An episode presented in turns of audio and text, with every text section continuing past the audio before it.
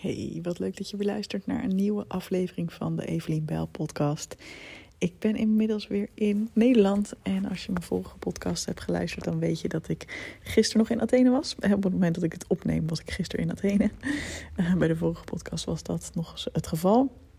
En uh, toen heb ik mijn manvriend aangemoedigd die de marathon had gelopen. Het was heel heet, echt 23 graden en uh, volle zon.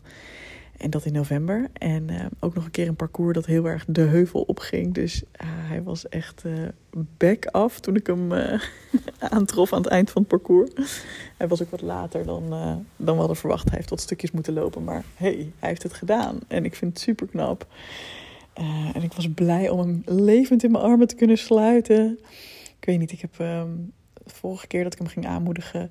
is een, een kennis van ons in het ziekenhuis gekomen met een uh, heat stroke. Wat kan uh, fataal zijn, zeg maar. En een andere vriend van Alwin, mijn, mijn manvriend, die is ook wel eens uh, met een, volgens mij een hartaanval in het ziekenhuis beland tijdens een hardloopwedstrijd. Dus het is, het is een gevaarlijke sport, vind ik zelf. Uh, ik ben zelf niet extreem sportief. Dus, uh, maar dat is ook een oud beeld dat ik van mezelf heb. Zoals je weet als je een eerdere podcast van mij geluisterd hebt. Maar um, ja, ik, vind het altijd wel heftig als mensen over hun grenzen heen gaan. Maar gelukkig is Alwin wel iemand die uh, voor mijn gevoel wel redelijk goed naar zijn lijf luistert. Dus het is allemaal goed gekomen. Hij heeft het gered. Hij heeft een mooie medaille en lekker veel spierpijn vandaag. Dus die trappen op en af in het huis, dat vindt hij heerlijk. En ik wilde even met je hebben over een, ja, iets wat ik veel um, terughoor. En wat ik ook hè, bij mijn klanten zie en bij mezelf ook uh, wel heb gezien. En dat is een neiging om toch altijd te denken dat je het beter zou moeten doen als coach of als ondernemer. He, dus dat je, heel, je bent waarschijnlijk heel enthousiast over hetgene wat jij kunt bieden aan mensen, aan de wereld. En je ziet het al helemaal voor je. En dan valt het je eigenlijk een beetje tegen hoe snel het allemaal gaat. Dus hoe snel je klanten krijgt of hoeveel klanten je hebt gekregen in een bepaalde periode. Um, hoeveel uh, aanmeldingen voor je nieuwsbrief of je gratis weggever. Nou, noem het allemaal maar op. De concrete resultaten vallen je gewoon nog een beetje tegen en je baalt ervan. En op sommige momenten lukt het je best wel goed om daar oké mee te zijn. En hè, dan heb je alle inspirerende quotes van de wereld. Die geloof je wel even echt van, uh, ja joh, het heeft gewoon tijd nodig. Maar op andere momenten kan je gewoon wel echt gaan twijfelen van, ja, is dit wel voor mij? Is dit wel een pad dat voor mij is weggelegd? En uh, doe ik het wel goed allemaal? Moet ik niet iets heel anders gaan doen? Moet ik niet een andere aanpak kiezen? En ik weet natuurlijk niet in jouw geval um, wat het juiste antwoord is. Hè. Het zou nu heel makkelijk zijn voor mij om met een soort van generaliserende quote te komen van het komt sowieso goed voor jou en ik geloof in jou en uh, weet je wel, niet opgeven, gewoon doorgaan.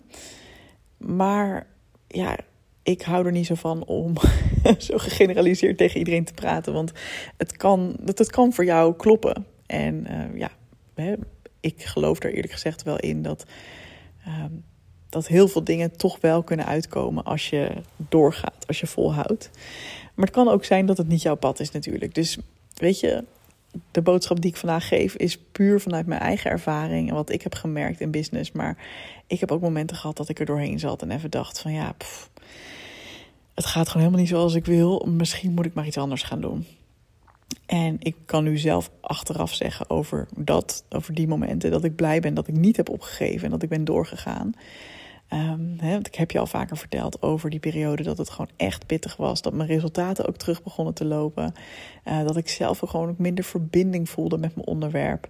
En ja, dat ik daar gewoon echt mee zat. Weet je, dat ik echt dacht van jeetje, gaat het goed komen.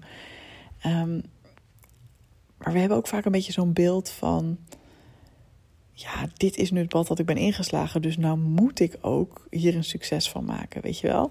Terwijl ik ook heel erg in geloof van, ja, voel maar of het nog steeds klopt voor je. En um, misschien is het juist heel goed om een tijdje weer even een andere richting in te gaan en dan weer, ja, daarna te kijken wat er komt, weet je wel? Dus nogmaals, geen gegeneraliseerde adviezen hier. Maar wat ik wel um, recent opschreef ergens, is iets wat ik ook wel met je wil delen. Um, dat was onder een post van Bowie Redman. Uh, ik heb het vaker over haar gehad in deze podcast. Ik vind haar een hele inspirerende um, ja, schrijver en contentmaker op Instagram. En zij had het over, weet je, zo vaak hebben we het als ondernemers niet over de momenten dat het moeilijk gaat. He, wat we op, zeker wat op social media laten zien, is toch wel vaak he, het succes en ook de angst. Um, wat er vaak onder zit, is de angst van ondernemers om iets anders te laten zien, omdat je dan meteen als uh, niet professioneel over kan komen. Of, oh, dus jij hebt het allemaal niet onder controle. Hè? Alsof klanten alleen bij je willen kopen wanneer je het allemaal, allemaal voor elkaar hebt. En er zit natuurlijk ook een soort van kern van waarheid in. Het is ook aantrekkelijk als jij um, dingen kan laten zien die werken. Maar het is ook gewoon, we zijn ook gewoon mensen, weet je wel. En ja, en het is, is het ook gewoon oké om het soms gewoon even fucking zwaar te hebben. En daarna alsnog, hè, en, en ook in die tijd zeg maar alsnog er te zijn en jezelf te laten zien. Ik vind het een heel interessant vraagstuk. En ik merkte dat ik erop reageerde met, ja, inderdaad, ik heb ook echt moeilijke tijden gehad als ondernemer. En ja, ik weet ook niet hoe open ik daar in die tijd precies over was. Ik liet dat misschien wel een beetje doorschemeren. Maar ja, hè, ondertussen wil je ook dat je business doordraait. Dus dat is ook lastig. Um, maar ik kon ook wel echt zeggen van ik ben zo blij dat ik achteraf... Um, uh, ja, hoe zeg je dat? Dat ik wel mezelf de ruimte heb gegeven om te kijken van oké, wat komt er dan? Ik, ik geef mezelf de ruimte om even niet verder te hoeven op die oude voet, maar uh, om te ontdekken wat er verder kan. En ja, dat ik ook heel blij ben dat het uiteindelijk toch wel weer een vorm heeft gevonden. Weet je wel, dat ik toch een, een vorm heb gevonden in mijn ondernemerschap waar ik heel blij van word.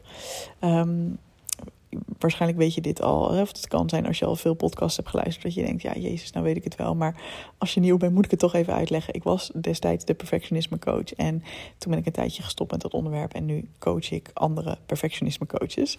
Nu leid ik hen op.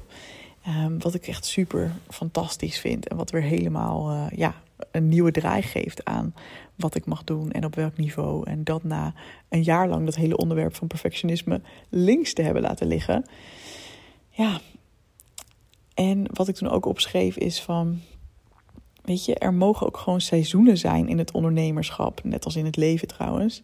En dat jij gewoon even in een herfstseizoen zit of dat jij in een winterseizoen zit, betekent niet dat je een slechte ondernemer bent. En betekent ook niet automatisch dat je moet stoppen.